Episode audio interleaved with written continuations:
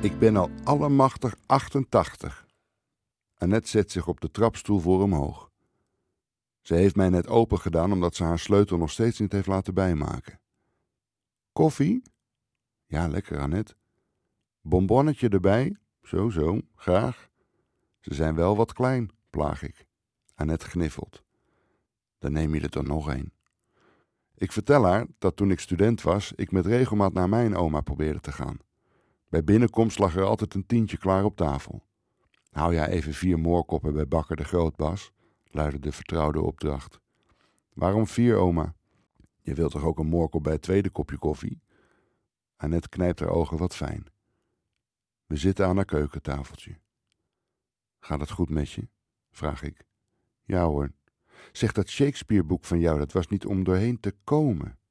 Oké. Ik heb nu een vriendin die boeken voor mij haalt bij de bibliotheek. Is erg handig. Ik geef door wat ik wil lezen en zij zorgt ervoor dat die boeken er komen.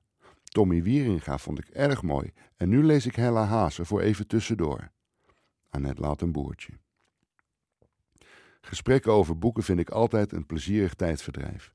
Zelf lees ik nu een boek over duizend jaar Amsterdam en ik denk dat Annette dit boek wel mooi zou vinden. Het is goed vlot geschreven en rijk geïllustreerd. Midden in het verhaal zitten en willen dat een ander dit ook leest, is aandacht geven op afstand. Heb jij kinderen, Bas? Ja, twee, een jongen en een meisje. Van boeken naar kinderen naar ouders. We hebben het over onze ouders en het moment dat je als kind niet per se meer dezelfde mening hebt. Dat was voor mij nogal een shock. Annette haalt haar schouders op bij haar herinnering. Zo gaat dat. Annette? Annette kijkt even op. Wij hebben de krant en ik vroeg me af of jij die ook wil lezen. Dan neem ik een stapeltje mee de volgende keer. Nee, dank je. Het is vriendelijk, maar nee. Tijdens de wandeling vertelt Annette mij dat er al meubelstukken worden verdeeld voor als ze er niet meer is. Het kastje in de gang bijvoorbeeld. Deze gaat naar de vriendin van haar zoon. Ik grap dat ik ook wat stickertjes op een paar meubels heb geplakt. Ze lacht met kiespijn. Vind je het vervelend dat dit al gebeurt, Annette? vraag ik. Ja, eigenlijk wel, antwoordt ze helder en duidelijk. We zwijgen even en ik pak mijn e-smoker erbij. Annette, de vrouw die ik nu een klein jaar ken. Haar lichaam is moe en haar gehoor gaat steeds verder achteruit. Haar greep op het leven heeft ze nog, maar om haar heen wordt er al mondjesmaat verdeeld. Tja. Ze is ook al allemachtig 88, moet er gedacht zijn. Een week na dit bezoek mail ik haar. Lieve Annette, aanstaande zondag zijn wij, mijn vrouw en ik en de kids in de stad. Vind je het leuk als we even bij je op bezoek komen? We kunnen dan gelijk een wandelingetje maken. Annette antwoordt: Ha, Bas, leuke mail, verrassend ook. Waaruit bestaat jouw gezin eigenlijk? Als je tien kinderen hebt, wordt het een veel. Anders zijn jullie welkom hoor. Liefs. Hoi Annette. Mijn vrouw, onze zoon en onze dochter. En ik. Ik zal de kippen thuis laten. Tot zondag rond 14 uur.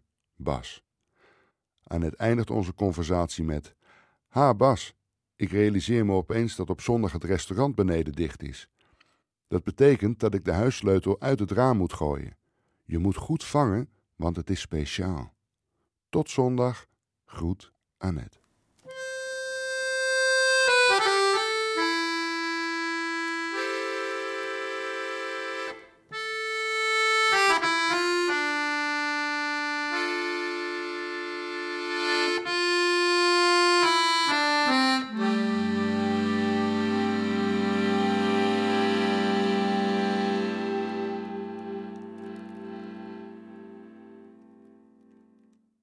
De mooiste verhalen luister je wanneer je maar wilt. Rob luistert in de file of in de trein. Lisbeth in de caravan. Vera luistert naar de Parel podcast in een berghut in Oostenrijk. En waar je maar wilt. 26 keer beluisterd in Bolivia. 27 keer in Korea. 90 keer in de VS.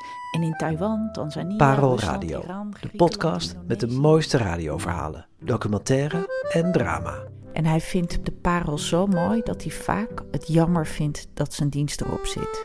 Parel Radio, gratis in je podcast-app of via nporadio1.nl.